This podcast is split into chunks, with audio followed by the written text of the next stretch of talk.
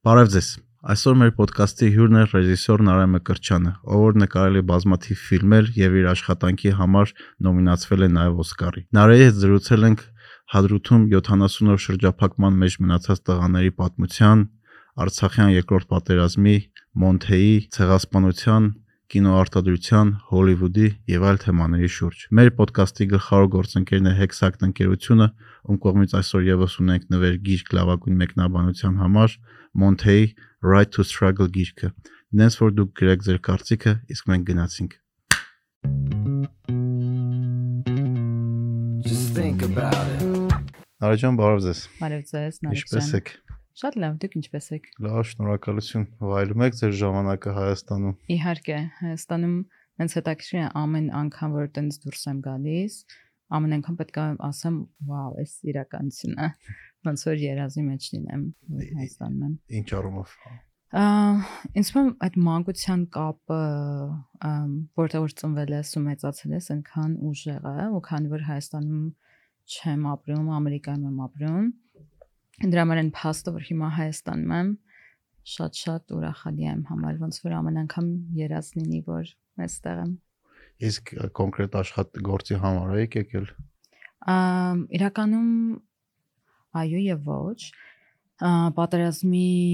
ժամանակ եկա, ավելի ճիշտ հենց պատերազմը ավարտվեց, այդ ժամանակ եկա,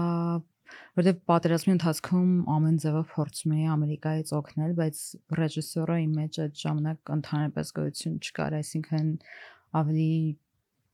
medical բաներով էինք զբաղված, գումար հավաքելով, ամեն ինչ անում էի կինոից բացի, այսինքն այդ ընդհանրապես իմ մտքում չէր, բայց հետո երբ որ պատերազմը ավարտվեց, այդ մի քանի շոկային օրից հետո հասկացա, որ ռեժիսորը վերադառնում է Հա։ ու հասկացա որ պետք է գամ Հայաստան ինչ որ մի բան ինձ այստեղ կանչում էր ինչ որ մի պատմություն ինձ ամ բայց իրական ոչ մի բան չկար այսինքն փնտրում էի պատմություն բայց ոչ մի բան չկար ինչ որ թեմա ուժեղ չկար որ հետաքրքրում էր բայց կար ծիծեռնավանքը որ հանձնվելու էր Հա։ ու ես եկա Հայաստան, որ գնամ նկարեմ ծիծեռնավանքը։ Ու այդ ուղակի sense հետաքրիր զգացություններ իմ մեջ, որովհետև նախնիներս վերապրել են ցեղասպանությունը։ Հիմա տենենց զգացություններ, որ ոնց որ time machine-ի մեջ ես տեղափոխվել էի 1915 թվական, երբ իմ նախնիները կորցնում են իրանց տները, իրանց հողը, իրանց եկեղեցիները, բայց այս անգամ ես կարող էի կպչել մի վարքյան Հա։ որը որ նրանք չեն կարողացել անել ու այդպես գնացի ծիծեռնավանք հենց հանձման օրը եւ բոլորին ինձ ասում են որ ես խենթեմ որ ուղղակի չի կարելի դա անել որովհետեւ թույլատրություն չկա գնալու այսինքն խաղապահներ չկան այնտեղ ադրբեջանցիները ամեն պահ կարող են գալ ժամը 6-ին էր հանձնվելու բայց բոլորը ասում են որ իրենք նենցա որ կարող է ժամը 3-ին գնան, կարող է 4-ին գնան, նենց որ հենց 6-ին պետք է գնան։ դե այսինքն Արցախի representation օրինակ թույլատրություն չէր տալիս, որ գնամ եւ այստեղից էլ ընկերներս կամ հերոստատեսության մարդիկ ասում էին դու խենթես, մենք քեզ կադրեր կտանք, մենք նկարեց ունենք, խնդրում ենք չարժի գնաս, որտեվ ռազմագերի ընկնել չարժի, բայց չգիտեմ ինչ որ մի խենթ պատճառով որոշել էի, որ անպայման պետք է գնամ եւ նկարեմ, ինչեւ հանձնելը։ Ու գնացի ու 40 րոպե առաջ հանձնվելուց դուրս եկա այնտեղից այս բայդրությամբ տխուրա, բայց վերջին հայն էի ու շատ հետաքրքիր զգացողություններ, շատ հետաքրքիր որ այդ ամենի մեջ ճիշտ ասած ոչ թե այդքան տխրություններ, ինչքան շնորհակալություն իրան, որ Հողին։ հողին, այդ դրախտիկին, ծիծեռնավանքին, պատմությանը, որ եղել է ու իրական գնում։ Բայց տխուր չէ, որ էլ չեք կարողանալու գնալ համայն դեպս մոտակա ապագայում։ Շատ տխուր էր, շատ տխուր էր, բայց հետաքրքիր էր, որ տխրությունը ոնց որ ավելի ցածր էներգիա է, չէ։ Շատ հետաքրքիր էր, որ տխրության վերևում կար այդ երախտապարտությունը։ Այսինքն հետաքրքիր էր, որ որպես մարդ երբ ես գնում էի ու ինչ որ ինչ որ բաներ եղան, որ ես չէի պլանավորել։ Այսինքն ես սկսեցի նկարել, ու այդ նկարելու ընթացքում ես սկսեցի աղոթել։ Բայց այդ աղոթքը ես չէի աղոթում որպես հայր մեր, այլ ես աղոթում էի որպես դարերի վիբրացիա, որ այդ պատերը զգացել են դարերով ամենա մեր ուրախ պահերին, ամենատխուր պահերին ու այն զգացություններ, որ վերջին անգամ ուզում էի, որ իրանք նորից զգան ու շատ խորն էր իմ համար, որ կյանքումս երբի այտենց չեմ աղոթել, որովհետև ուղղակի գիտեի, որ ցուցնամուց մի քանի քայլ են կողմեմ, ամեն պահ կարող էի դառնալ ռազմագերի։ Ու այդ բարերը առաջին անգամ զգացի ամբողջ բջիջներովս։ Ամ բայց հետո հետաքրիր էր, որ այդ ամենի մեջ աղոթում էի սիրո համար, որտեղ իրականում սերն էր աղոթքը։ Այսինքն այդ աղոթքը շատ ավելի հեռու էր գնում ու երևի դրա համար էր, որ տխրությունից բացի այդ երախտապարտություններ, որը որ էլի իմ համար իրականում անակնկալ էր, որովհետև դուրս գալով ես մտածում էի, որ շատ տխուր կլինեմ, բայց տխրության վերևում կար երախտապարտությունը։ Հա հետաքրքիր է այդ այդ տեսանկյունից ընդհանրապես չի պատկերացնում որտեղ իմ համար էլ հետաքրքիր չէ սպասում զրուցել ենք այդ թեմաներով օրինակ ընկերներից շատերը այդ վերջի օրերին Արցախում էին իրանք տենց ասում էին իրանք տխրություն են զգում ու ափսոսանք ըհը չգիտեմ օրինակ մենք ամեն դեկտեմբերին բանակի ընկերներով միշտ հետ ենք գնում Խարվաճար, որտեղ ծառայել ենք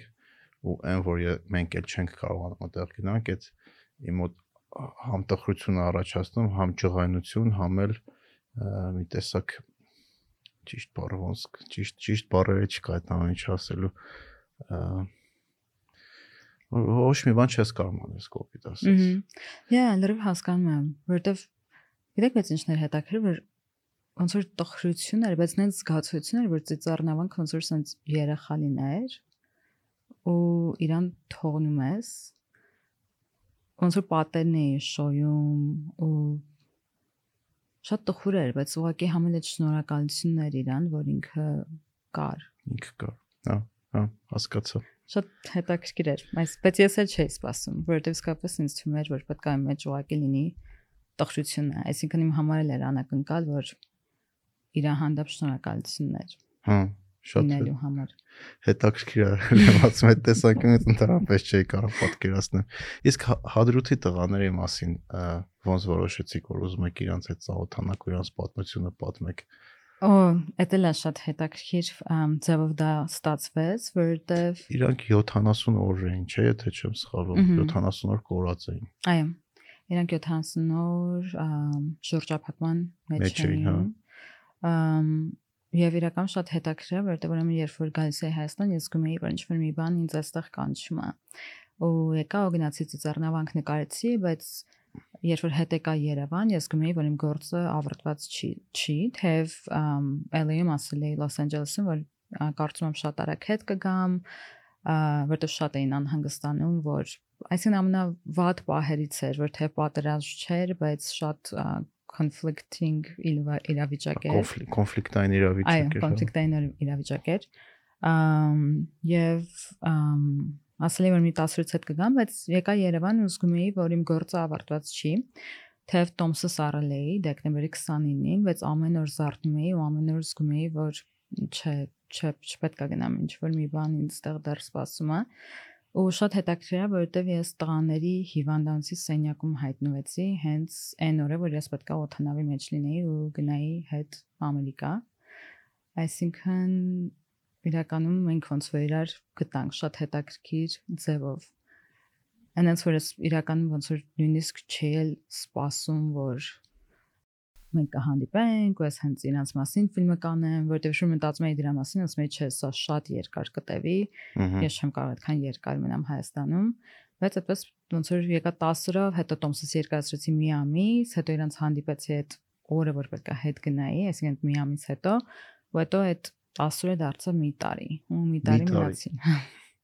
Որ ընթացքում անդադ տղաների հետ շփվում եք, իրանց պատմությունն եք փորձում պատմեք։ Ահա, այ այդ ընթացքում 4 ամիս անցկացրեցինք իրար հետ հիվանդանոցում, որովհետև իրանք վեցն էին ու ամեն մեկը անցնում էին ամպուտացիաների միջով, տարբեր տեսակի։ հետո իրանք դարձան իմ ընտանիքը։ Այսինքն իրականում հետո չէ։ Այնց ստացվեց, որ ես մտա իրանք սենյակ որպես ռեժիսոր, բայց ես իրանք սենյակից դուրս եկա որպես իրանք ընտանիքի անդամ ու այնց էր որ ասենք նույնիսկ ես կարողա չգնայի մի օր կամ երկու օր հիվան- հիվանդանց, որտեվ վատ է, իսկ ասում եմ մի քիչ ես մարդկանց մենակ թողնեմ։ Հա, ու բայց նենց էր որ մամաները գրում էին նարե ուր ես։ Հետո սկսում էին իրան գրել. նար ուր ես կարոտել ենք, ասում էի, օքեյ, ուրեմն այդքան էլ չեմ գժվացնում իրանց, ու հետո նենց էր որ ամեն օր իրանց հետ էի ու այդ ամպուտացիաները ամբողջ իրար հետ անցանք ու հետո միասին անցանք իրանց առաջին քայլելը, որը երջանկություն էր ու շատ-շատ տարբեր բաների միջով։ Այսինքն նորից այդ նույն բանն է, նորից այդ ծառնավանքի պատմությունն է, որ կար ահավոր տխրություն ու կորուստ, բայց կար նաև ահավոր գեղեցկություն հրաշք ու սեր։ Ինքը հույսի պատմություն է, հա, ճիշտ եմ հասկանում։ Այո, ինքը հույսի ու լույսի պատմությունն է։ Իրանք բոլորը լույս են։ Ինչ առումով։ Ամ իրանք իրականում այդ մթության մեջ նախ ինձ թվում է մեր ազգի համար լույս էին, իրանք վերադարձը այդ ահավոր պահին այնքան հույս եւ լույս բերեց մեզ եւ երկրորդը իրանք ընդհանրապես այնց հիանալի մարդիկ են ու իրանք մեջ այնքան լույս կա որ այդ 70 օրը ուղղակի իրանք հրաշքով են փրկվել իրական ես միշտ իրանք ասում եմ մանավանդ սկզբներում ճիշտ ասած ամեն պահ որ ես իրանց հետ խոսում եմ, այսինքն պատկերացեք, որ հիմա ես ձեր խոսում եմ ու դուք անընդհատ մտածեք, վաու, նարեն պետքա մահացած լիներ։ Ամեն պահ իրանք որ խոսում են իմ հետ, ես այնքան հաճախ իրանց ասում եմ, բայց դու հասկանում ես, դու 70 անգամ գոնե պետքա մահացած լինեիր։ Այսինքն իրանք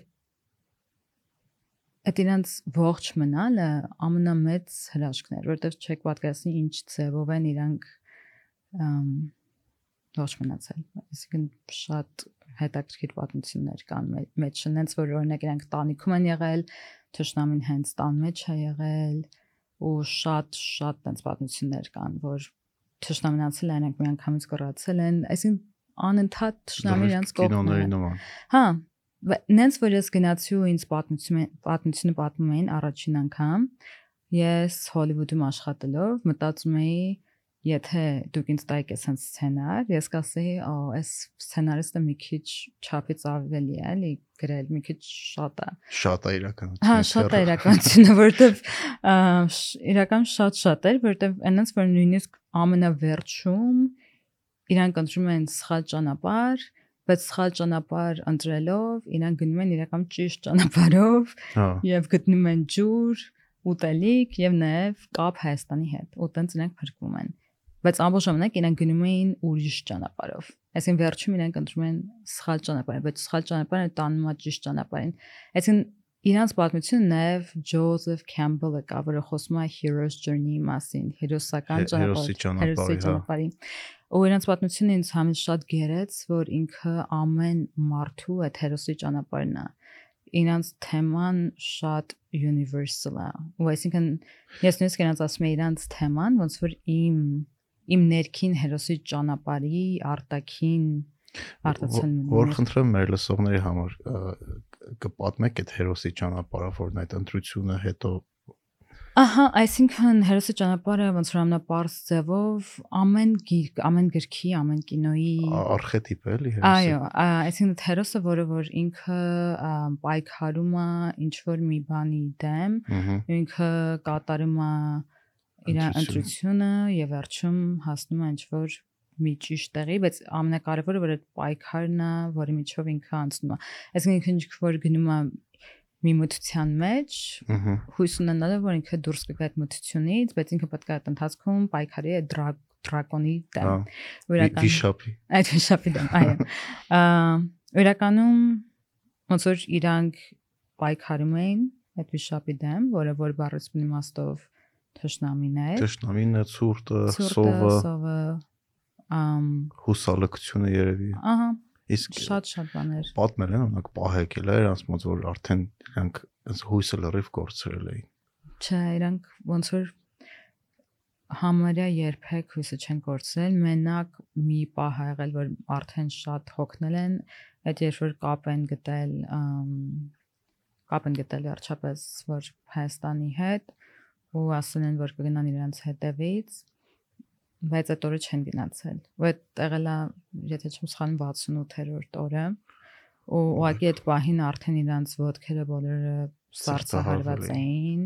ոնց որ իրancs մոտ նենց էր որ ասում էին որ ուղղակի այդ պահին ոնց որ երբ որ կապը գտել են ու ասեն որ կգանք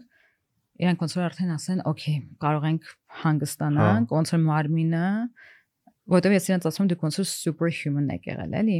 բայց այդ պահին երբ որ իրանք թույլ են տվել հանգստանալ արդեն սկսել են զգալ ցավերը ավելի Հա, շատ ադրենալինը երևի Հա, օրգանիզմում ընկելա։ ու արդեն որ ը, քայլելու դժվարություն ա եղել եւ այլն ու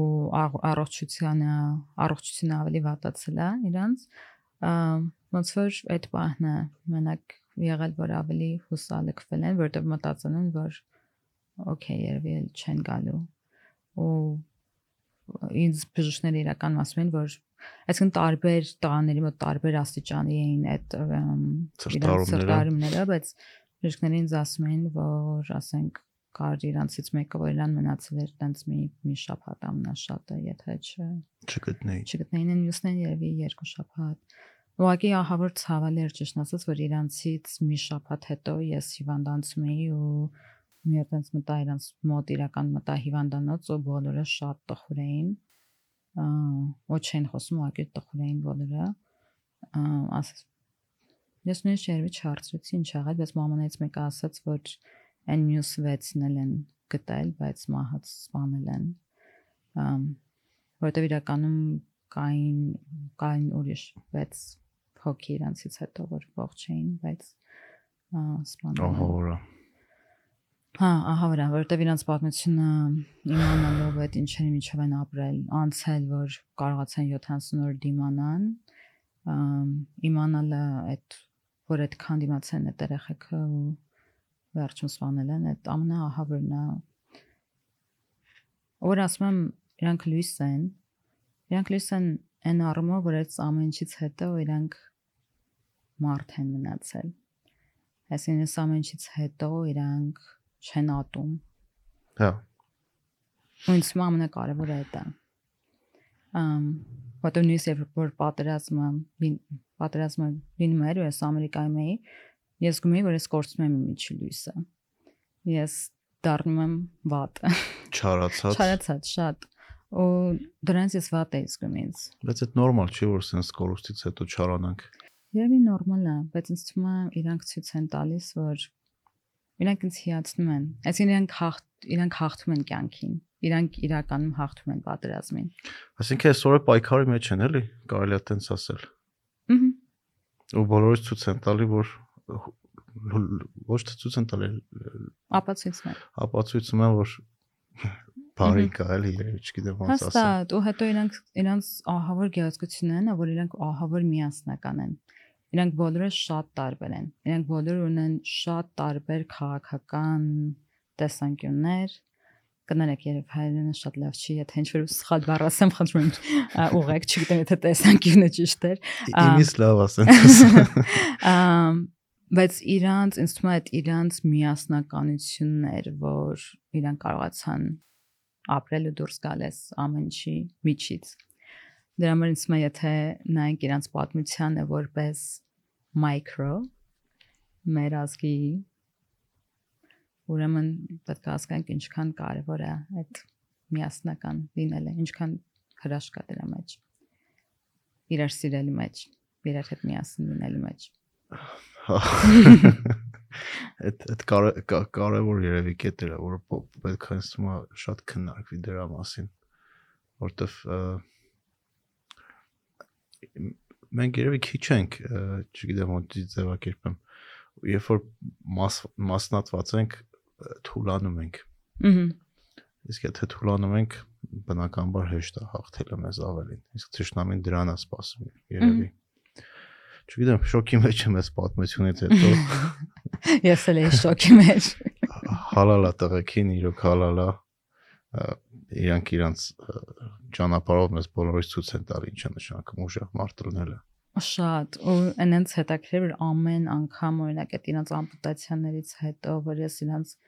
գրում էի ոնց է որովհետև չի ուզում հենց մի անգամից օպերացիայից հետո գնալ ու ամեն անգամ որ հարցում էի ոնց է ասում էին շատ լավ միշտ պատասխանը շատ լավն էր ոչ թե լավ այլ շատ լավ Շատ լավ։ ու իրանցից հետո իրականում իմ այդ չգիտեմ ոնց են ասում, բայց այդ իմ ցավի բանը բարձրացավ որտեղ իրանց իրանցից հետո ասենք որ գնում էի բժշկի մոտ, մեկը բժշկը ասում էր, «Ո, բայց անցած անգամ ոնց որ ավելի ցավացնում էի, քեզ այս անգամ ոնց չեմ ցավացնում»։ Բայց իմ մոտ այդ էր, որ այսինքն եթե իրանք անցել են ամպուտացիայի միջով, որ իրանք ասում են շատ լավ եմ, ես ոնց կարող եմ էլի ասենց ինչ որ փոճուր բանից ասում, «Ա, ցավում է»։ Իրանք իմ հիանալի դասատուներն են։ Այսինքն իրանց պատմությունը, իրանց անցած ճանապարհը ազդեցություն ունեցավ նաև ձեր կյանքի վրա։ Ալիավին։ Ի- Ինչ առումով, բացի ցավի շեմի բարձրացնելուց։ Ամ նախ իրանց շնորհիվ նորից հավատում եմ հրաշքների։ Ամ երկրորդ իրանք շատ շատ բաներ են ամեն ինչում շատ բաներ ինձ սովորացնում են ամ ուժեղ լինելու մասին, չհուսատվելու մասին, շուտ չկոտրվելու մասին։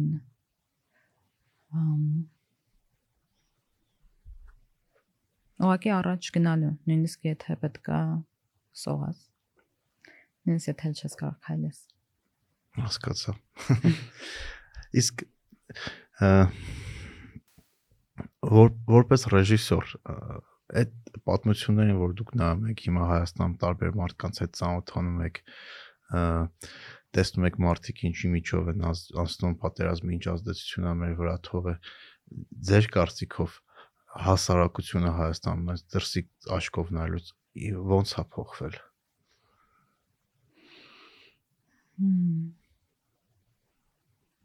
ու ինչ ինչ ազդեցություն է այդ պատերազմը մեր վրա ունեցել Իսկ ավելի հուսահատվել ենք, ավելի կոտրվել։ Ամ բայց նայած մարդիկ այսինքն տեսնում եմ նաև մայրերին, որ տղային կորցրել ու շատ ուժեղ են։ Բայց շատ հուսահատություն եմ զգում ու մի քիչ չարությունը։ Չգիտեմ։ այդ այդ կորուստի պատճառով Ահա։ Հմ։ Հետաքրքիր է նաև ոնց որ դուք ավելի շատ մարդկանց հետ եք շփվում այդ որ որոնք այդ ամեն ինչի միջով անցել են Ահա։ այդ պատերազմի ճարիքի միջով անցել են ու հետ են եկել ու չեն չեն կորցրել իրանց լույսը ոնց որ դուք պատմում եք ու հետաքրքիր է այդ ամեն ինչը դուք տեսնելով հասկանալով տարել եք օրինակ համեմատություններ չգիտեմ այն մարդկանց հետ Հայաստան, որ պատերազմի մեջ պատերազմին չեն մասնակցել, բայց Երևանում օրինակ բարեգործությամբ են զբաղվել, ընդհանրապես ոչ մի բան չեն արել։ Մենակ նորություններով այդ ամեն ինչին հետևել են։ Ահա։ Ուշադրություն դարձրել եմ։ Այսինքն իրականում են մարդիկ ովքեր որ անցել են դրա միջով, կորցրել են ինչ որ բաներ, ոնց որ ավելի ուժեղ են, ավելի պոզիտիվ են, քան թե նկատել եմ ինչ որ մարդիկ, որ ընդհանրապես ոչ մի բան չեն արել։ Բայց ի՞նչ հետաքրքիր է, չէ՞, մարդը որ պատերազմի մեջով անցել է, իր հույսն ու հավատը ավելի շատ է, քան այն մարդը, որ դա նորություններով է նայ։ Հետաքրքիր Հետ- է, հետաքրքիր ֆենոմեն է, հա։ Դրա մասին, հա։ Ես ընդհանրապես չեմ մտածել, բայց որ հիմա անալիզ եմ անում, իմ ընկերները որ կրվել են, իրանք շատ ավելի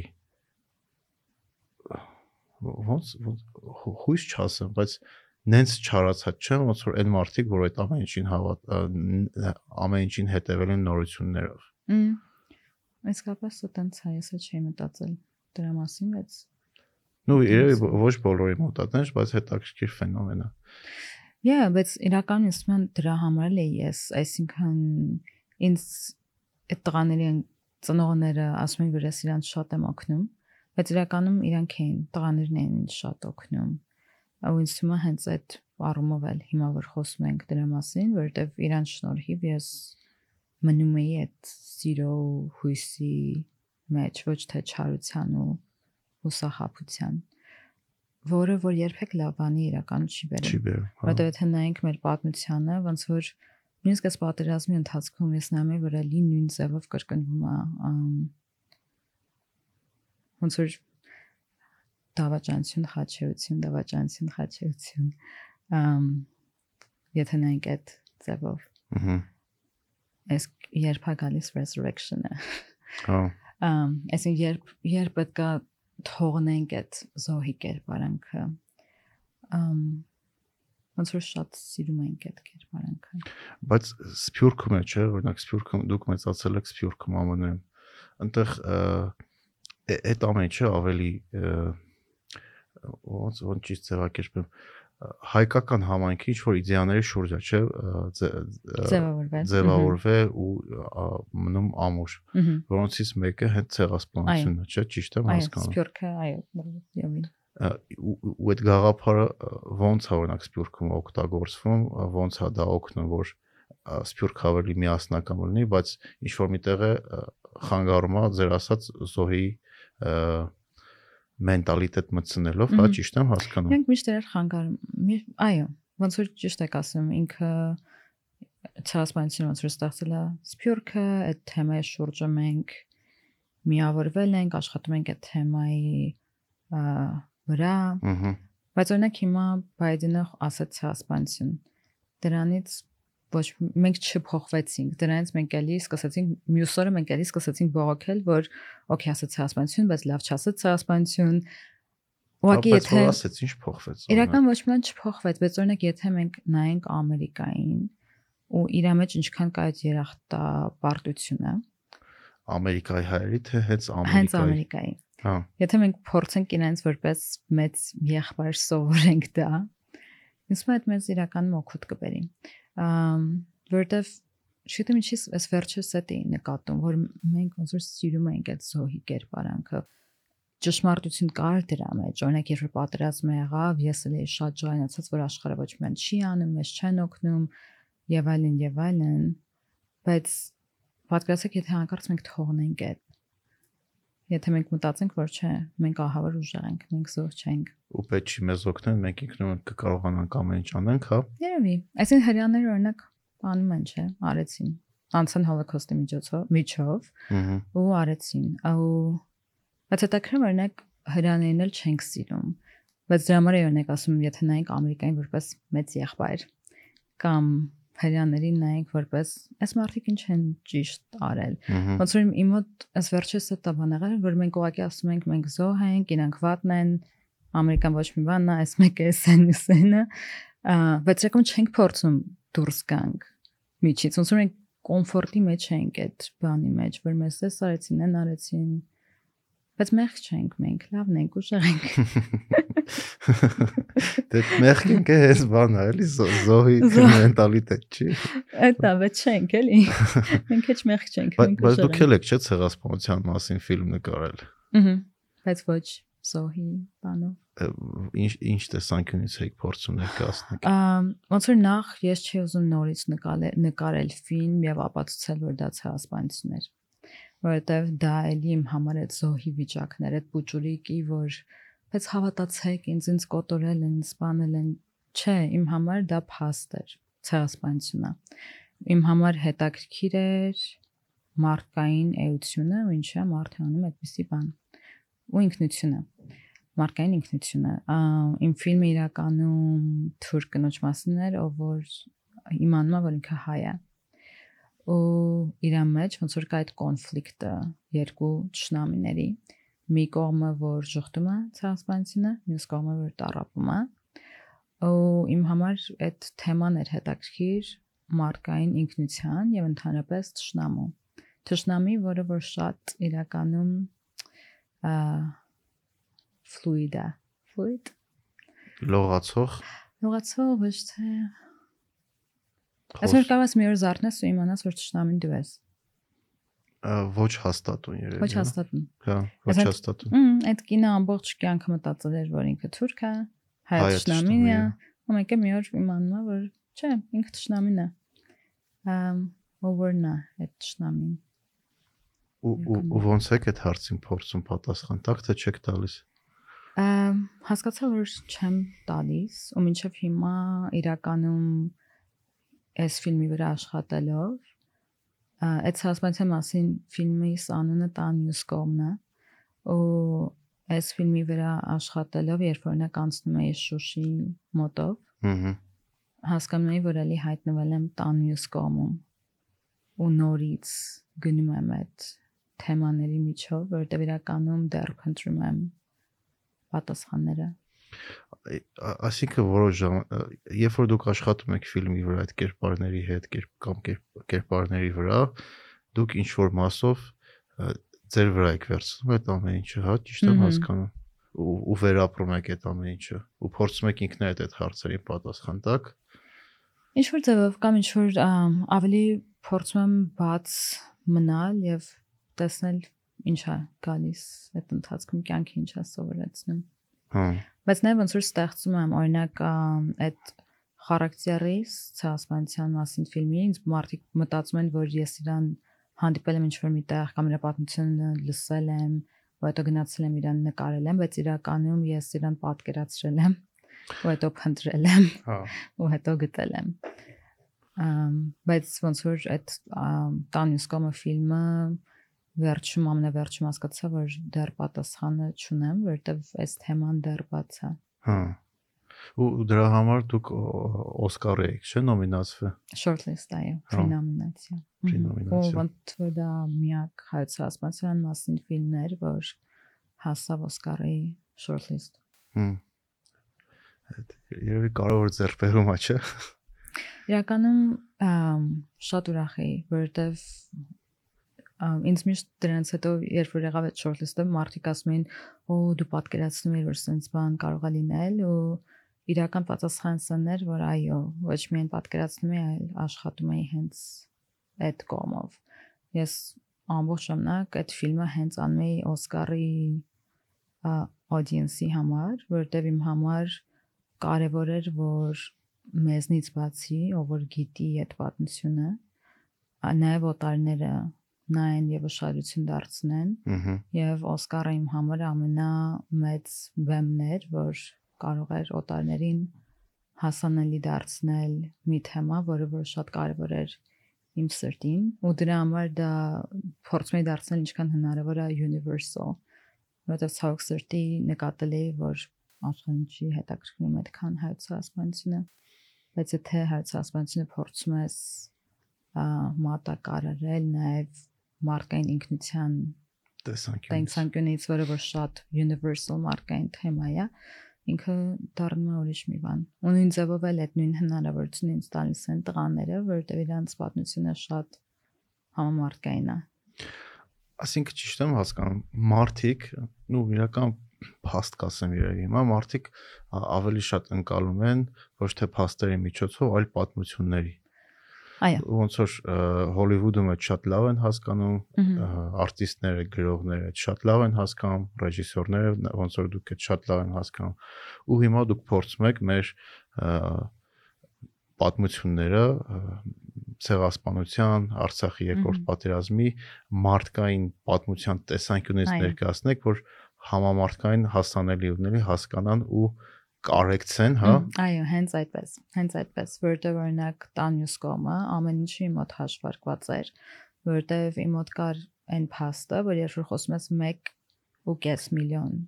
մարդու մասին, ինքը դառնում է թիվ։ Դու չես կապնվում այդ մարդկանց հետ, դու նայում ես դրան որպես թիվ։ Ու ճիշտ ասած ես դա հասկացա առաջին անգամ, երբ որ ամ, Ամերիկայում մի հատ միջոցառում էինք անում,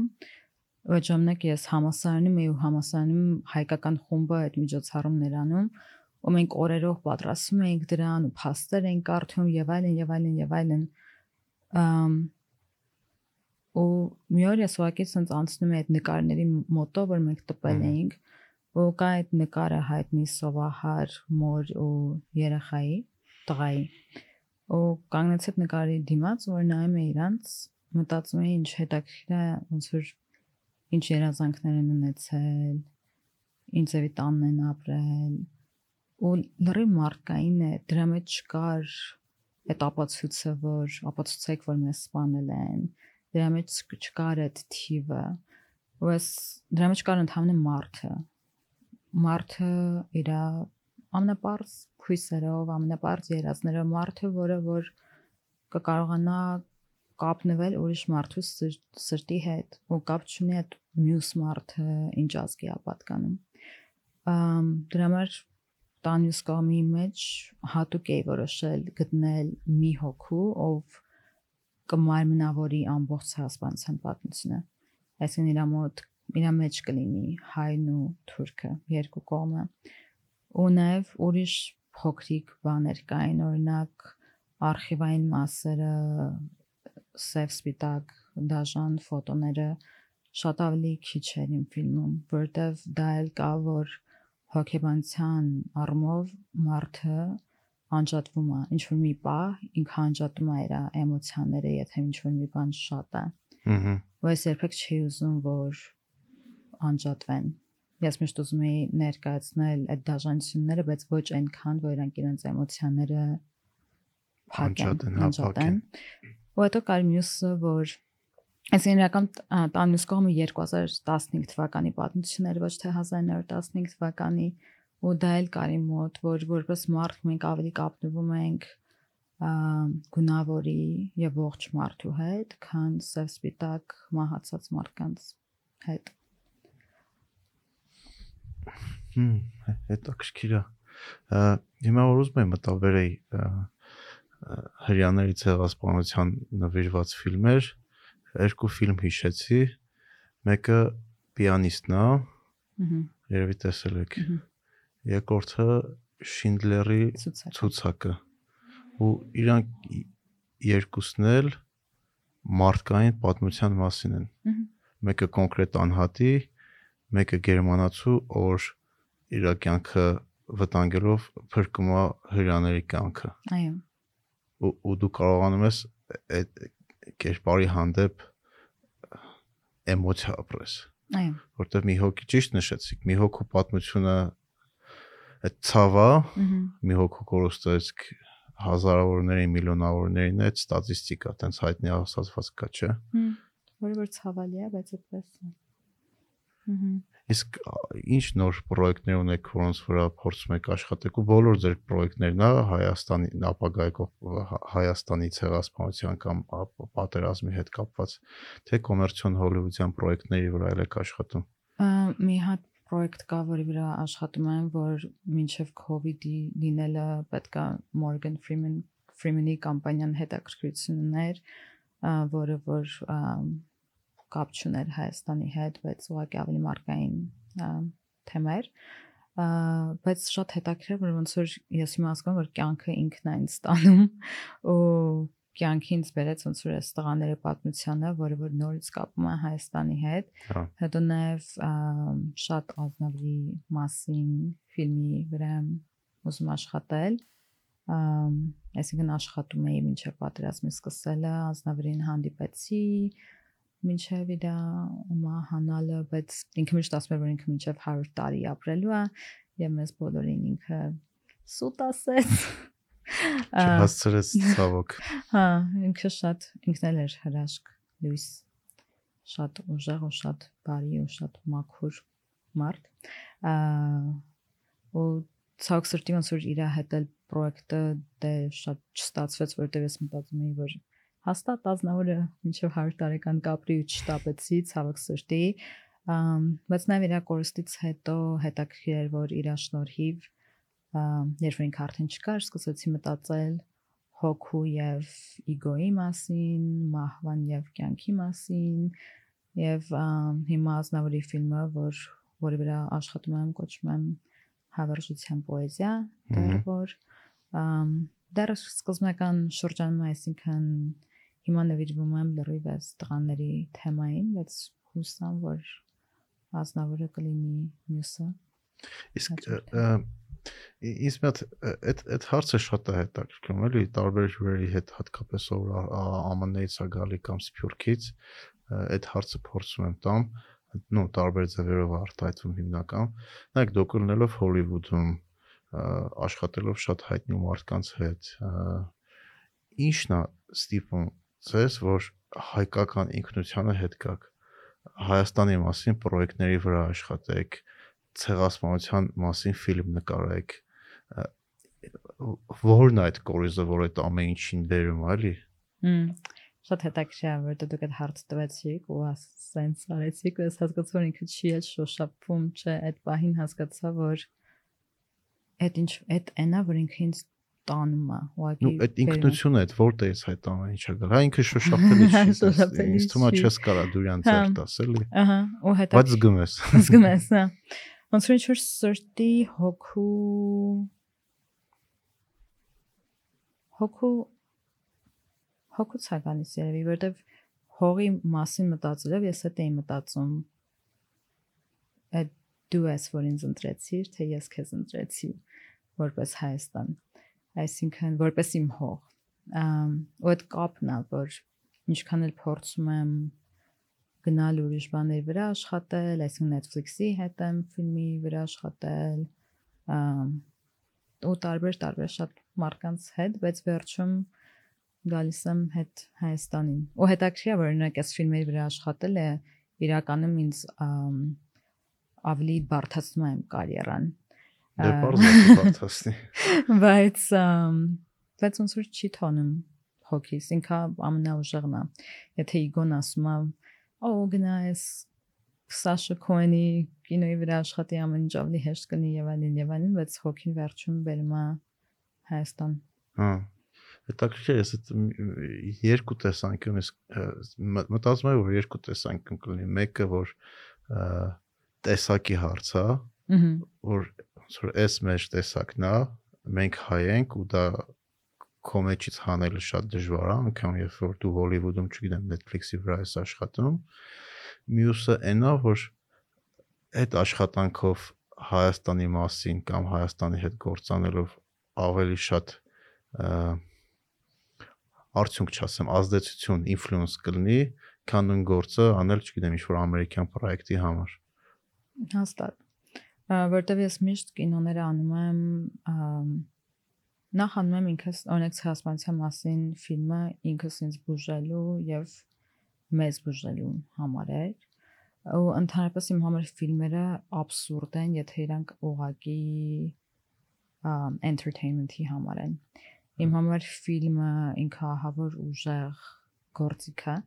ու դրա համար եթե ուղակի օգտագործում է հենց այնպես դա իմ համար ես ոնց որ մեղք եմ այդ համարում որ այդքան գումար այդքան էներգիա ծախսում ես որ ոչ մեկին քո ազգին քո հողին ու հայրենիքին ոչ մի լավություն չանես ամ դրա համար կարծում եմ հա ճիշտ եք ասում այսինքն վերջում այդ իմ համար կարևոր դա իմ համար երջանկություն Հա, բերում հասկացա։ Իսկ իսկ ինչպես որոշեցիք, որ ուզում եք ռեժիսոր դառնաք։ Ահա ես ծնվել եմ կինոյի մարդկանց տանը, հայրս կինոռեժիսոր է, մայրս թատերական ինստիտուտն է ավարտել եւ նաեւ լրագրող էր համեկում էր աշխատում։ Այսինքն ամբողջ կյանքս դրան էի սովոր ու նաեւ իմ համար երբ մեծացա ուղղակի հասկացա որ իմ համար ֆիլմը ինքը իսկապես այդ ուժեղ գործիքն է որ հասանելի է շատ մարդկանց ու կարող ես դու դիպչես իրանց սրտերին ու դրական փոփոխություն անես։ Ձեր հայրը նաև Մոնտեյ ընկերն է, չէ՞, եթե չեմ սխալվում։ Այո, նաև Մոնթեյ ընկերն է եղել ու շատ հետաքրքիր է, որ երբ որ ես գալիս էի Հայաստան, պետք է գնայի Ծիծեռնավանք, ծնողներս ասում էին, որ տանջում եմ իրանց դա անելով, որ իրանք ճշնամու երախային էլ չէին ուզենա, որ իրան դրա մեջ դներ, բայց իմ պատասխանը այն էր, որ բայց ձեր աղջիկն եմ, չէ, ինչ եք սպասում։ Ամ այո, հայրս Մոնթեյ ընկերներ, ես Մոնթեյն իմ ընկերն էլ էի համարում։ Հա։ Ես շատ փոքր էի, բայց ինքը որ գալիս էր տուն, միշտ ասում էր, որ իմ ընկերը եկել է ու մենք իրար հետ խաղում էինք։ Ու դրա համար նույնիսկ հենց երեք զինվորներից մեկի հետ Մոնտ անցնում էինք Մոնթեի նկարներից մեկով, մեկի մոտով ասաց, «Ա Մոնթեն ընկերդ» ու հասկացա որ շատ հետաքրքիր է այդ ոնց որ մանկական աչքերով Մոնթեին տեսնելը, որտեղ իսկապես ես ոնց իրեն դուք տեսնում եմ։ իրան հիշում։ Հատես իրան հիշում եմ որպես իսկապես իմ ընկեր, որ գալիս էր իմ հետ ժամանակ էր անցկացնում, ինչ որ խաղում էինք, տիկնիկ էր բերում, բայց միշտ հիշում եմ որ ինքը լարված ինչ որ բան կար մեջ, այսինքն միշտ մտածում էր ինչ որ խոհերի մեջ էր։ բայց շատ հետաքրքիր իմ համար, որտեվ երեք հենց դա էի հասկացել ու դա էի ասում, որ շատ հետաքրքիր է որ երբ որ նայում եմ ես Մոնթեյ նկարին այդ այն Մոնթեն, որ ես տեսնում եմ, նույն Մոնթեն չի ինչը որ ազգն է տեսնում ու շատ հետաքրքիր է իմ համար, որ առաջինը երբ նայում եմ Մոնթեյն, ես տեսնում եմ իմ Մոնթեյին այդ մանկական աչքերով, բայց հետո ես ինձ հիշացնում եմ, որ ինքը նաև մյուս Մոնթեն է։ Այսինքն Մոնթեյի նկարը կա այնտեղ, որովհետև ինքը մյուս Մոնթեն է,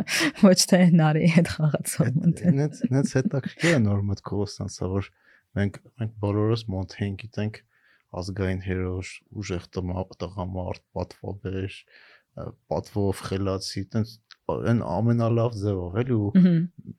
տենց է պատկերացնում ենք մենք իրան ու, ու դուք ով իր հետ մանկության մանկությունը, չգիտեմ, հնարավորություն ունեցել շփվել, խաղանել, դուք ոնց եք էլ իրան պատկերացնում ու այդ տարբերությունները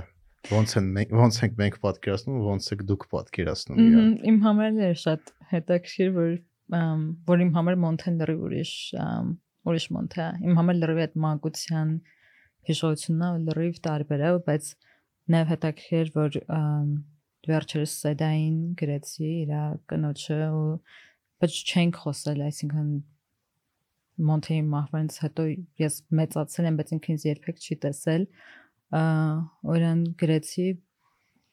ասացի օ հիշում ես նարեն եմ, բայց մտածում էի որ չի հիշելու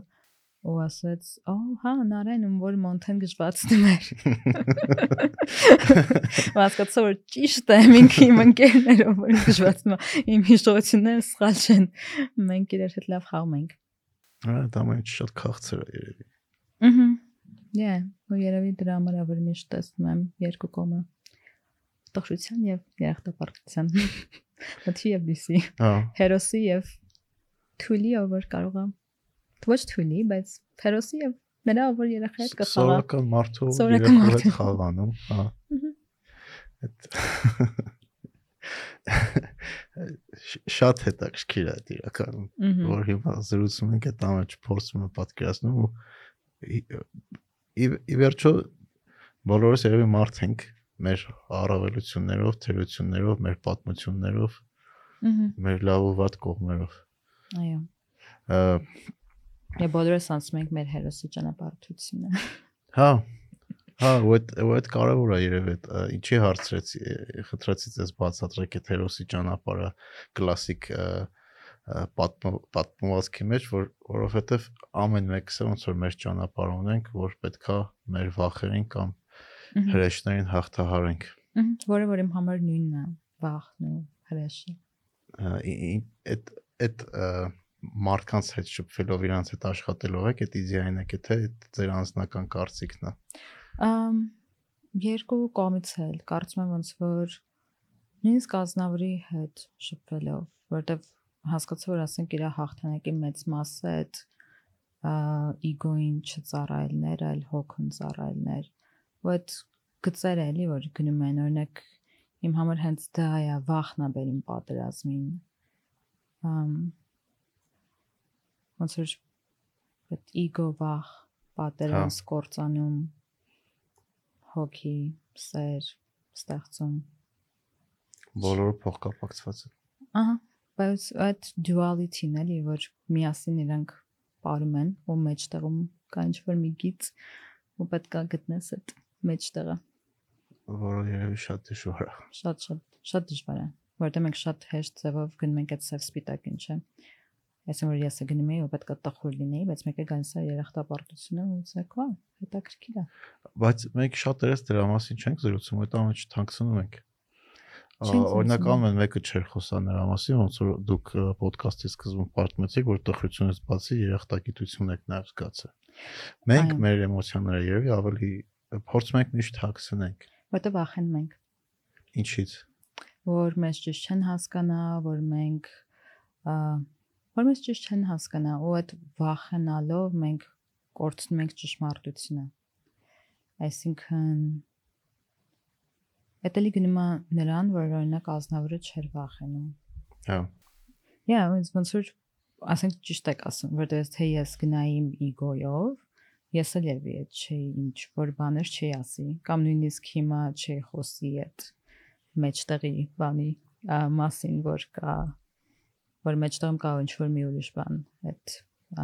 թոքու իգոյի կամ այդ ամբողջ duality, ա, որտեղ շատ արագ մտածում ես որ օ ինչ ինչ չեն հասկանա, բայց եթե բոլորս թաքցնենք, ուրեմն երբ է գալիս այդ ճշմարտությունը ըմ ու նույնն էլ օրինակ the other side of home-ը երբ որ նկարեցի երևի ինքին շատ օգնեց որտեղ որ նկարում էի ես անում էի այն ինչը որ ես զգում էի որ պետք է անեմ այսինքն ես չէին ես շատ բարձ ձևով ու բաց ձևով էի ցույց տալիս այդ ֆիլմը ու ինքը համ դե թուրքի մասեր, համ հայ մասեր, այդ ամբողջ ժամանակ ես ասում էի, օ, ինձ քարկոծելու են, ինչ չեն հասկանալու, 50%-ը ատելու է այս ֆիլմը, 50%-ը սիրելու է, բայց այդ ընթացքում ինձ լիովին սխալ են հասկանալու, ասելու են, որ ես դավաճան եմ եւ այլն եւ այլն եւ այլն, որովհետեւ ես թուրքին մոնստր չեմ դարձնում, ֆիլմը սիրական թուրք կնոջ մասին է, ուրեմն որ հայ է։ Բայց հետո երբ որ ցույց տվեցի, հասկացա, որ չէ Մենք բոլորս ուզում ենք խոսենք դրա մասին։ Մենք բոլորս ուզում ենք խոսել այս թեմաների մասին, բայց մենք վախենում ենք։ Հա։ Իսկ դուք որպես ռեժիսոր մարդկանց հետ աշխատելուց պետքա կարողանաք, չէ, իրանց էմոցիաները բացեք, իրանց պատմությունները ջրերես հանեք, այդ նենց նենց հանեք, որ այդ մարդիկ իրանց վախերի մասին բաց խոսեն։ Այդ այդ ո՞նց է կանում։ Ա, ինձ նախ մարդկային հարաբերություն ստեղծելով, որտեղ ունեք այս տղաների հետ մեր նկարահանումները տևեցին մի տարի, որտեղ չի ուզում իրենց շտապացնել, ու նաև ճիշտն ասած, իմ կարծիքով ես դա անում եմ որպես ռեժիսոր չլինելով։ Ամ որտեվ ամ անեք շատ բաներ կան, որ ես չէի կարող նկարել բայց դրանով ստեղծում ես ուժեղ մարդկային հարաբերություն, որ իրանք թույլ են տալիս իմ հետ ավելի խոսել են ամեն ինչի մասին, որ չեն խոսի ուրիշ մարդկանց հետ։ Երևի երևի այդպես է լինում։ Ահա։ Ну հա մարդկային հարաբերությունները երևի ամեն ինչի հիմքում է որտեվ մարդ ենք էլի։ Պարզա։ Վերջին մարդ ենք։ Մի քիչ գնանք Ամերիկայի կողմ, եթե դեմ չեք։ Ինձ թվաց քիմիայի կողմը։ Դե ասել եք, չէ՞, քիմիայի մասին եք խոսալու։ Ֆիզիկայի եւ մաթեմատիկայի մասին անպայման խոսենք։ Հոլիվուդի դերը ձեր կարծիքով ո՞րն է աշխարհում։ Ոնց է Հոլիվուդը կարողացել նենց անել, որ ամերիկյան այդ գաղափարախոսությունը, ֆիլմերը, ապրելավոճը տենց արտահանի սաղ աշխարհով։ Հոլիվուդը ուղղակի ոնց որ շատ-շատ լավ է աշխատում։ Իրանք սիրում են աշխատել ու մեր ասենք աշխատանքային ժամերը տենց 12-14 ժամ են, բայց երբ որ ասում եմ 12-14 ժամ, ես նկատի չունեմ, որ դրա 5 ժամը մենք սուրճ ենք խմում։ Ահա դրա 30 րոպեն ենք մենք սուրճ խմում։ Եվ եթե ասենք ուահավոր բան, ասենց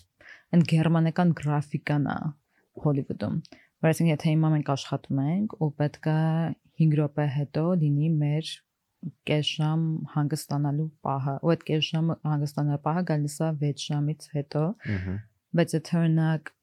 դեռ պետքա որ շարունակենք սա նկարել եւ 5 րոպեմ չենք ավարտում, ուրեմն անպայման 5 րոպե հետո ինձնից ձեզնից բոլորից ներողություն եմ խնդրում, որ կներեք, որ այդ կես ժամ հանգստանալը հիմա չի լինում, այլ 10 րոպեից կլինի 5 րոպեվա փոխարեն ու այդ կոչվում է grace period, որ 5 րոպե ավելի է տալիս ու հետո այդ կես ժամը ունեն մեզ։ Ինչի եմ գալիս sense ամնապարծ թեմայից, որովհետև ինձ թվում է Հոլիվուդը այտենց կարողացավ հասնել են ամեն ինչին աշխատանքի միջոցով, ահա որ ուժեղ աշխատանքի միջոցով, այս պատմության առումով նենց որ իրենց պատմությունը շատ պատմությունները շատ համարկային պատմություններ են եւ նաեւ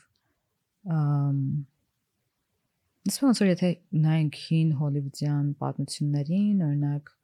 Չապլինի ֆիլմերը եւ այլն, ոնց որ իրենց մեջ համ པարզություն կա, համ ջերմություն կա, բայց նաեւ եթե նայենք պատմության ուժին, որ Հոլիվուդը ինչքան բաներ է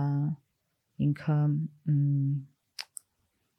ոնց որ պատմությունները ինչքան են մեր վրա ազդում Դե հա, հա, Նույնիսկ կին տղամարդ հարաբերությունների մեջ, այսինքն մենք նայում ենք ամուսնությանը այդ հոլիվուդյան կինոների աչքերով, մենք նայում ենք ռոմանսին այդ կինոների աչքերով, այսինքն այդ պատմության ուժը ինք իրականում ինչքան ուժեղ է, այդ պատմությունը, որ Հոլիվուդը մեզ տվել է։ Ու երևի հենց դրա համար եմ ես ասում, որ վերջես գացի այդ զոհի պատմությունը, որ մենք ապրում ենք, ու երևի հենց դրա համար էի խոսում, որ պատմության ուժը ինքը ահավոր ուժեղ է։ հա, Ամ ոնց որ Հոլիվուդի մեծ միշտ այդ հրաշքների պատմությունը, այդ սիրուն ռոմանսների պատմությունը, ու մենք հավատում ենք դրան լավ վերջին happy ending-ին։ happy ending-ին։ ինքը ստեղծում է այդ պատմությունները։ Բայց իրականում ես չեմ սիրում շատ Հոլիվուդը ինքը, որովհետև Հոլիվուդը մի քիչ շատ ֆորմուլա է։ Ինձ ավելի գերում է Ամերիկայի բանը, independent ոչ Հոլիվուդը։ Անկախ կինոարտադրողները որովհետև Հոլիվուդը մի քիչ շատ ֆորմուլա է, այսինքն ինչ առումով ֆորմուլա։ Այսինքն սկզբից արդեն գիտես, որ օրինակ եթե ռոմանս ենք նկարում են տղան հանդիպեց աղջկան, տղան կորցրեց աղջկան, տղան գտավ աղջկան։ Այդ ֆորմուլան գնում է։ Հետո որպես պրոդյուսեր օրինակ կարող եմ ասել, ասենք եթե ես ստա- ստացա սցենարը, օրինակ այդ տղայի եւ աղջկա դերասանը ընտրելու համար մենք չենք նայում լավ դերասաններին սկզբում, չէ, ցավոք սրտի մենք նայում ենք IMDb-ով այդ դերասանի ռեյթինգին առաջինը։ Այսինքն այս Հոլիվուդը շատ ցած բաժակա, որը որ նրանք ծախում են։ Հա, Այսինքն հիմա նայում ես այս բաժակը, օքեյ, sense կլոր են կարել, ա, կանաչ պետք անենք, որ ավելի հետաքրքիր լինի, բայց նրանք ոնց որ չեն ստեղծագործում այդ եվրոպական բանը չկա, իրանց մոտ ավելի բիզնեսը կա, որ ոնց սարքեմ այս բաժակը, որ այս բաժակը ծախվի, որը իմ համար process ցավալի կա, է։ framework կա, Մհմ։ որով իրանք կինոները արտադրում են ոնց որ գործարանում, Այո։ որ դրանից գումար աշխատեն։ Այո, ու որովհետև եթե ուշադրություն դարձնենք հոլիվուդյան կինոներին, օրինակ եթե ինչ-որ մի կոմեդիա ամ լավ ուշադրություն է գրավում, այդ կոմեդիայից հետո նորից նույնատիպ կոմեդիաներ են ստեղծվում։ Թեև նույնը չեն, են։ մոտիկ են, նման Օրինակ եթե նույն 90-ականներին այդ ա, համալսարանի քոլեջ քոլեջի մասին կոմեդիաները, այդպես տարիներ մի 100 հատ դուրս էր գալի։ Ահա, իրանք իրականում ոնց որ նման են, որտեղ իրանք օգտագործում են այդ ինչ որ specific ֆորմուլան ու դերասանների առումով էլ օրինակ իրանք ասում են, okay, այս դերասանը կբերի այսքան audience, ամբողջ այդ փողի վրա է էլի իրականում Հոլիվուդը, որ իրանք իրականում չեն ասում, օ, այս հիանալի արվեստի գործ է, ես գումար դնեմ սրա մեջ, չէ, սա կծախվի կամ չի ծախվի։ Բայց լինում է չէ որ այդ ամեն ինչը արվում է փողի համար, հոլիվուդյան ֆիլմ, բայց նաև սիրուն արվեստի գործ է դառնում։ Ահա Տենց օրինակներ ունեք։ Օրինակ, հա, լինում է։ Այսինքն արվեստի գործ Թե դժվար է Դե- կոմերցիոն պրոյեկտը անվանել կա Որ չէ, արվեստի որտեղ գործ։ Schindler's List-ը հենց հենց տենց էր։ Օրինակ եթե նայենք Steven Spielberg-ին, Steven Spielberg-ը շատ հոլիվուդյան ռեժիսոր է։ Հա։ Ամ, բայց Schindler's List-ը լրիվ ուրիշ ձևի ֆիլմ էր։ Ամ Schindler's List-ը շատ ավելի արտիստիկ ու տարբեր ձևի ֆիլմ ֆիլմ ստացվեց։ Հա, հասկացա։ Հա։ Իսկ նշեցիք, որ ավելի շատ հավանում եք տենց ա, անկախ կինոարտադրողներին, փոքր ստուդիաներին, հա։ ինձ ավելի ոնց որ Ինչի, որովհետև իրանք ավելի շատ արվեստի վրա են խորացած, քան փող աշխատելու, թե փող աշխատելը երկրորդականը։ Երբ ուղղակի իրանց ֆիլմերը ավելի են, ավելի մոտիկ են իմ սրտին, ավելի հետաքրքիր է, բայց հա, եթե նայենք որպես ստուդիաներին, ավելի սիրում եմ փոքր independent ստուդիաների, որովհետև իրենք այդ ֆորմուլան չեն օգտագործում։ Իմ համար այդ ֆորմուլան շատ ցանցրալի է, ես սիրում եմ այդ կոտրել։ Հա, հա։ Հասկացա։ Ես հիմա միշտ փորձարկումներ անել էլի, որ օ պետք չի որ սև լինի կադրը մի րոպե, հենց սկզբում, օքեյ, ուրեմն հենց սկզբում 60 վայրկյան պետք է սև լինի կադրը։ Բայց օրինակ, օրինակ The Other Side of Home-ը, եթե ստուդիա նկարածներ իրական Օսկար ստացած պրոդյուսերը, իմ պրոդյուսերը, բայց իր փոքրիկ ստուդիաներ, այսինքն ինքը չէր գնում այդ ֆորմուլային, բայց եթե ֆորմուլայով օրինակ նենք The Other Side of Home-ը ինքը սխալ է։ Որտեղ դու չես տեսնում գլխավոր խարակտերին, ինչեւ ֆիլմի Վերջը։ չէ, բայց ոնց որ մինչև ֆիլմը մի 20%-ը արդեն ֆիլմի գնացած է։ Ա, Օրենքը նենց է, որ ֆիլմերում պետք է տեսնես գլխավոր խարակտերին սկզբի 2-3 րոպեվա ընթացքում։ Հա։ Այսինքն փոքր բաները, որ իրական կորցնում են այդ հոգին, որովհետև Հոլիվուդը շատ կենտրոնացած է այդ ֆորմուլայի։ Փող աշխատելու վրա։ Ահա։ Իսկ հիմա օրինակ եթե նայում ենք Հոլիվուդին, ստրիմինգ ծառայությունները, ոնց որ գիտեմ Netflix-ն, HBO-ն, Disney Plus-ն, Apple TV-ն, այդպես շատ մեծ կազմական կամպանիաներ, ոնց որ Apple-ը, Amazon-ը մտել են կինոարտադրության,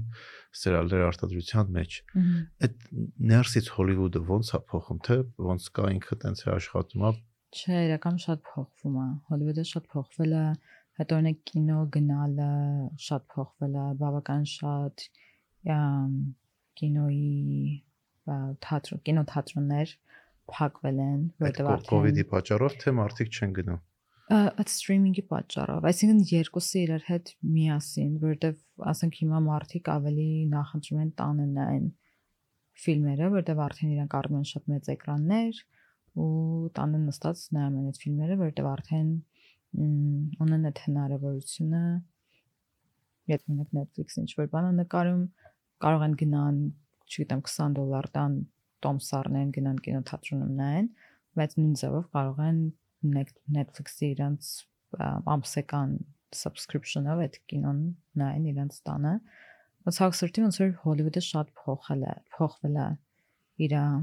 դեմքը։ Բայց դա ամեն ինչով է փոխվել իր դեմքը, որտեղ ես նենց սիրում եմ, որ տեսնում ունեք այդ հին ժամանակների ժամանակների նկարահանները, որ մարդիկ օրինակ տղամարդիկ պիջակով փողկապով էին գնում աշխատանքի։ Իմ համար նենց բան էր, որ իր մեջ շատ ինչ որ հրաշ կար ու հարգանք կար էլի այդ այդ մտնել այդ կինո կինոյի բանի մեջ ոլորտի։ հա այդ ստուդիայի մեջ ոնց որ մտնելը իրանք այդ շատ մեծ բան էին համարում հիմա այդ ամբողջ հրաշքը ոնց որ կորել է Դա առելա սովորական աշխատանք, հա։ ըհը հա լիվեն դարձել է սովորական աշխատանք բայց դա իհարկե ոնց որ դժվար կներ որ պիջակով եւ փողկապով գնային կինո նկարելու բայց ուղղակի ինչ որ ձևով ոնց որ այդ հրաշքը այդ հարգանքը կորել է որը վերես փորձում եմ պահեմ վիճակով չեմ գնում նկարանման, բայց միշտ ոնց որ նկարումից առաջ փորձում եմ թիմիս միասին խոսել ինչ որ տենշ ենք այս ֆիլմը նկարում եւ ոչ թե ուղակի ոնց որ գնանք ու նկարենք Ասիկա ոչ թե ինքը դες process-ը լինի, որը պետք է անես, կրկնես անընդհատ,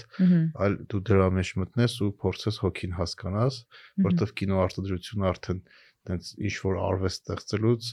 դարելա փող աշխատելու միջոց օգտագործելով ինչ որ կոնկրետ ֆորմուլաներ ըհը ցավոք սրտի այո ու ավելի շատ գնում է դեպի այդ կողմ։ Հա շատ գնում են դեպի այդ կողմ, որտեղ նենց ոնց որ շատ գաղտնիքներ կան, որ օրինակ horror ֆիլմերը ավելի Էժան կարող ես նկարես ավելի թանկ ձևով կարող ես ծախել օրինակ horror ֆիլմը իրականում Horror-ը բաններ վախենալու Վախենալու ֆիլմերը հա։ ֆիլմերը դրանք որտեվ համարվում են ամենաեժան ֆիլմեր, որ կարող ես շատ էժան ձևով նկարել ու շատ փող աշխատել։ բայց ունեք ինքին ընդհանրապես չի գերում կամ ռոմանտիկ կոմեդիաները ավելի հեշտ ժանրը ինքը որ ծախվի դրաման մի քիչ ավելի բարդ ժանր է որ ծախվի դոկումենտալը ինքը ավելի բարդ է բայց հիմա դոկումենտալները շատ ավելի ուշադրություն են գրավում քան օրինակ 10 տարի առաջ Ինչն է փոխվել, ինչն է պատճառը։ հիմա նախ էսթետիկն է փոխվել դոկումենտալ ֆիլմ, ֆիլմերի, որտեղ հիմա շատ ավելի որակը լավացել է ու դրանց մարդիկ ավելի հետաքրքրված են նայել որտեղ օրինակ ես լեմ ես չեմ սիրում դոկումենտալ ֆիլմը տգեղ նկարված է լինում ես միշտ սիրում եմ որ ինքը երկուսի խառնուրդն է լինում ինչքան հնարավոր է գեղարվեստական ամ, էսթետիկի բայց նաև դոկումենտալ իրականության Ահա։ ոնց որ դրա համար ոնց որ մարդիկ հիմա ավելի հետաքրքրված են տեսնել իրական պատմություններ եթե այդ իրական պատմությունները գեղեցիկ են նկարված կարող են դա նայել որպես գեղարվեստական ֆիլմ բայց իրական պատմություն է օրինակ բայց վեցի պատմությունը ինչքան հրաշք է չէ որ ինքը իրական պատմություն է ես նույն պատմությունը նայես որպես գեղարվեստական ֆիլմ էլի լավն է բայց իրանց չենք տեսնում իրանք իրական խարակտերները չեն Այսինքն հերոսները քանի որ իրական են դու այդ ամենին հետաքրքիր է։ ուր ձևս նա Ահա։ Եվ ավելի հետաքրքիր է։ ինչ որ նոր Marvel-ը դառնա իրական կամ իրականա մենք բոլորս չգիտենք որ սուպերհերոսներ կան Բոլորը սուպերհերոս են։ Բայց մենք չգիտենք, որ մենք սուպերհերոս ենք։ Հետո տղաները հիշացնում են, որ ենք։ իսկ այդ ը, քանի որ ը, Մա- Marvel-ի մասին խոսք գնաց դες մեծ բյուջե ֆիլմերի նկարահանման process-ին ծանոթ եք կամ ընդհանրապես ֆիլմ նկարահանելու այդ process-ը ոնց է բյուջե հաստատելը, գումար գտնել, դերասաններ ընտրել, սցենար հաստատել, այդ այդ process-ը ոնց է սկսում։ Եթե չգիտեմ հոլիվուդյան ֆորմուլայով նայենք, հա ոնց որ ավելի սկսում է հենց սցենարով։ առաջինը պետքա լավ սցենար ունենաս։ Ահա, առաջին պետք է լավ սցենար ունենաս, ու այդ սցենարը ոնց որ բան են անում, գնում են, հետո արդեն գնում է այդ funding-ի, fundraiser-ի հարցը, բայց այդ մի- գանում է միաժամանակ։ բայց այդ գումար հայ հայ հայթայլու բանը գնում է միաժամանակ, որ պետքա նաև շատ ոնց որ բարդ իրավիճակ է լինում, որ պետքա համ դերասանեդ արդեն վերցնես, եթե դեռ գումարը չունես, որովհետև օրինակ եթե ես կինո եմ նկարում, օրինակ ունեմ, չգիտեմ, DiCaprio-ին, Ահա։ ու գնում պրոդյուսերի մեջ, շատ պրոդյուսերի մոտ շատ ավելի հեշտ է, որ ասեմ, okay, Leonardo DiCaprio-ն արդեն այս կինոյով հետաքրքրված է ու վրան պետք է աշխատի, բայց բնականաբար Leonardo-ին արդեն ես ինչ որ գումար պետք է տամ, որ ինքը ոնց որ sign անի, որ ինքը կաշխատի այս կինոյի վրա, բայց ժամանակ պրոդյուսերը ար- արդեն գիտի, որ Leonardo-ն մի քանի միլիոն դոլար կբերի այս պրոյեկտին, այսինքն նույնիսկ եթե ես նարեին տամ այսքան միլիոն դոլար, ես վերջում այսքան միլիոն դոլար հետ կստանամ։ այսինքն այդ մեծ կինոների վրա այդ բանով մի քիչ sense բարդ իրավիճակա գնում։ Հա, հա։ Իսկ դրա ամենամեծ բյուջե ֆիլմ ինչքան է։ եղել? Իմը շատ փոքր են իրականում։ Իմ բյուջետները միշտ ա, Մի միլիարդ չի հասա։ Չէ, իմերը միշտ միլիոնից ցածր են լինում, այսինքն իմերը ոնց կես միլիոնից ցածր են։ Այդ Հայաստանը այդ լուրջ բյուջե է։ Հա, Հայաստանում լուրջ բյուջե է, բայց Ամերիկայում ոնց որ 2 միլիոն մինչև համարվում է, համարվում է low budget։ Հա, ցածր բյուջե ֆիլմ էր։ Մհմ, Այսինքն տենց կես միլիոն եւ պակասը համարվում է բավականին ցածր։ Բայց դոկումենտալների համար այդ տես փոքր Դոկումենտալի բյուջե է։ համար ինքը Okay բյուջե ավելի նորմալ նորմալ բյուջետ է, բյուջե։ Ահա, դոկումենտալի համար նորմալ բյուջե։ Բայց կապ ունի ոնց որ որտե ասելի անում է տարբեր գործեր, որտեղ եթե Ամերիկայում է, ուրեմն ավելի բարդ է։ Օրինակ Ամերիկայում կես միլիոնը շատ Փոքր։ է։ փոքր է, բայց եթե Եվրոպայում լինի, ուրեմն մի քիչ ավելի գործը հեշտանում է։ Հայաստանը ընդհանրապես ավելի հեշտ է։ Հայաստանը շատ հեշտ է։ Ահա։ Այդ ցածրտի Հայաստանում ես միշտ այնքան ուզում եի Հայաստանում աշխատեի, բայց Հայաստան նկատեմ որ շատ լավ մարդիկ կան, որ տաղանդավոր են, ուղղակի ձերքները ոնց որ բաց չի Փորձ չունեն, հա, փորձը քիչ է։ Ահա, այսինքն փորձ ունեն, բայց ավելի հերոստատեսային մակարդակի օրինակ կամ սերիալների կամ մյուզիկ վիդեոների, որտեղ որ նորմալ է, այսինքն ստեղ եթե նայենք Հայաստանի կինոյի ասպարեզին, դե կինոյի ասպարեզում այդքան շատ բան չի կատարվում, ինչքան գովազներ, Գովազներ, երգեր, երգեր եւ սերիալներ։ ու սերիալ, հա։ Ահա։ ու դրա համար ոնց որ ցավոք սրտի նկատել եմ որ ինչքան էլ լավն են, ինչքան էլ պրոֆեսիոնալ են, բայց մեկը ձեռագիրը արդեն ձևավորված է։ ձևավորված է ոնց որ գնում է հատուկ այդ ձևով այդ առումով ոնց որ հասկանում ուղղակի պետք է ավելի շատ Հայաստան բերել կինո էլի որ մար, մարկանց ձեռքը բացվի որտեղ իրենց Բացվի, մեղքը չի ուղղակի Բայց բացված չի էլի Մենակ այդ ոլորտում չի, չգիտեմ, այն ոլորտները, որտեղ ես աշխատել եմ, բոլոր տեղերը մենք փորձի պալկաս ունեցել ենք, որովհետև շուկան փոքր է, փորձառությունը քիչ է, ու ընդհանրապես 30 տարվա երկիր ենք էլի սկսենք այդտեղից։ հա Այդ երևի նորմալ է։ Մենք ամեն ոդկասթի վերջում ունենք տրադիցիոն հարց, որը ձեզ նույնպես ցանկանայի տալ, որն է մոտիվացիան, որն է իմաստը ամեն առավոտ արթնանալու ու շարունակելու այն ինչ որ դուք անում եք։ Իմ կարծիքով մենք բոլորս գալիս ենք այս մոլորակ մեր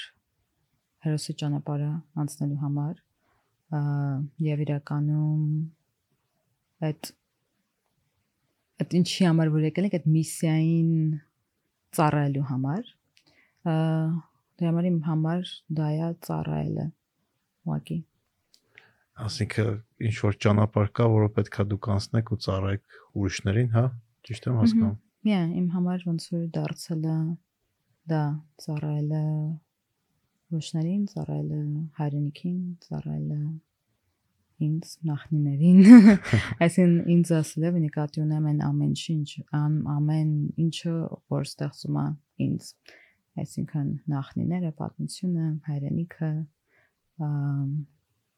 ծառայելով նրան, ինչի համար որ եկել եմ, թե չէ, անիմաստով որ եկել եմ։ Ու նաև տղաներն են հիշացնում այդ ծառայելու ուժը։ Տղաները ոնց հասկանում ձեր կյանքը շատ են փոխել։ Իրենք շատ-շատ են փոխել ու կարծում եմ, որ շարունակել են փոխել իմ կյանքը եւ հուսամ բոլորի։ Նորազյան ձեզ շատ շնորհակալություն։ Շատ ուրախ եի զրույցի համար։ Ես շատ ուրախ Ձեր եմ։ գործերին հաջողություն։ Շնորհակալություն ձեզ։ Come on, come on.